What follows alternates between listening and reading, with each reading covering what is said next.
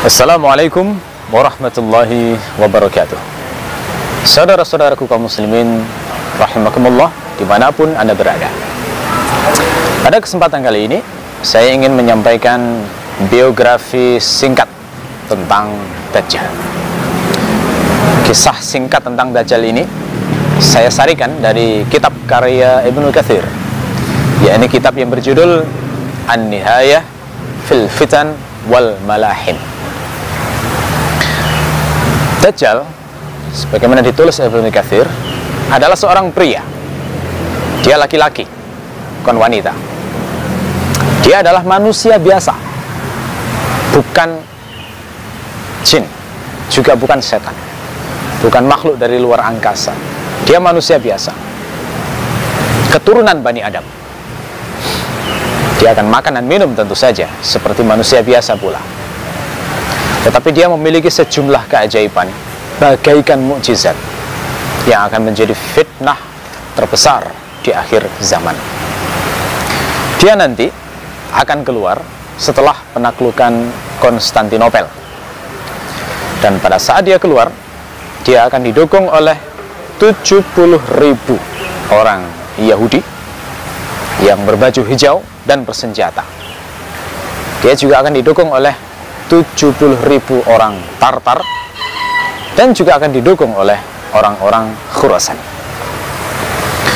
Pada saat dia muncul, pertama kali nanti dia akan muncul tampil sebagai seorang raja, Malik.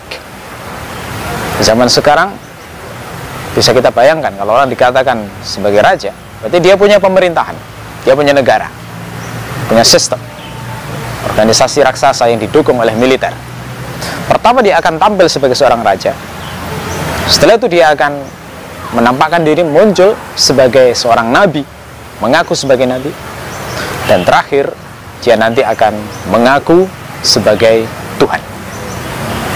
Dajjal ini nanti akan diikuti oleh orang-orang yang bodoh di tengah manusia, yang jauh dari tauhid, yang jauh dari agama, yang cinta dunia, yang cita-cita tertingginya hanya ingin mendapatkan kenyamanan hidup, dan dia akan ditentang oleh orang-orang soleh, ditentang oleh orang-orang alim, ditentang oleh para muwahhid, ditentang oleh para ahli tauhid yang semata-mata hanya menghamba kepada Allah. Dajjal ini akan berusaha meluaskan kekuasaannya, meluaskan pengaruhnya, dan dia akan menaklukkan semua tempat di dunia ini satu demi satu. Ditaklukkan semuanya.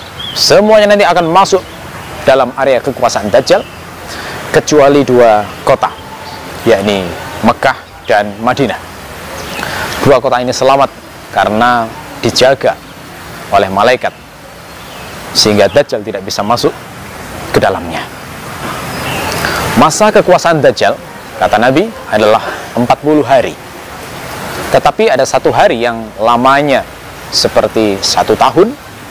Ada pula satu hari yang lamanya seperti satu bulan ada pula satu hari yang lamanya seperti satu pekan dan sisanya seperti hari-hari biasa. Para ulama menghitung kalau diukur dengan hitungan normal hari-hari kita, maka 40 hari masa Dajjal ini setara kira-kira dengan satu tahun lebih dua setengah bulan. Dajjal memiliki keajaiban luar biasa, membuat fitnah di tengah-tengah umat manusia sangat dahsyat Pengikutnya banyak sekali dan para ulama Islam tidak bisa memadamkan fitnah yang sangat besar ini. Dajjal baru padam setelah diturunkan Nabi Isa yang akan membunuh Dajjal sehingga dengan matinya Dajjal nanti padamlah fitnah Dajjal ini.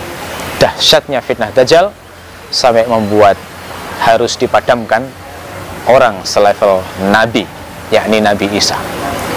Ini sudah menggambarkan seperti apa fitnah yang akan terjadi di akhir zaman itu.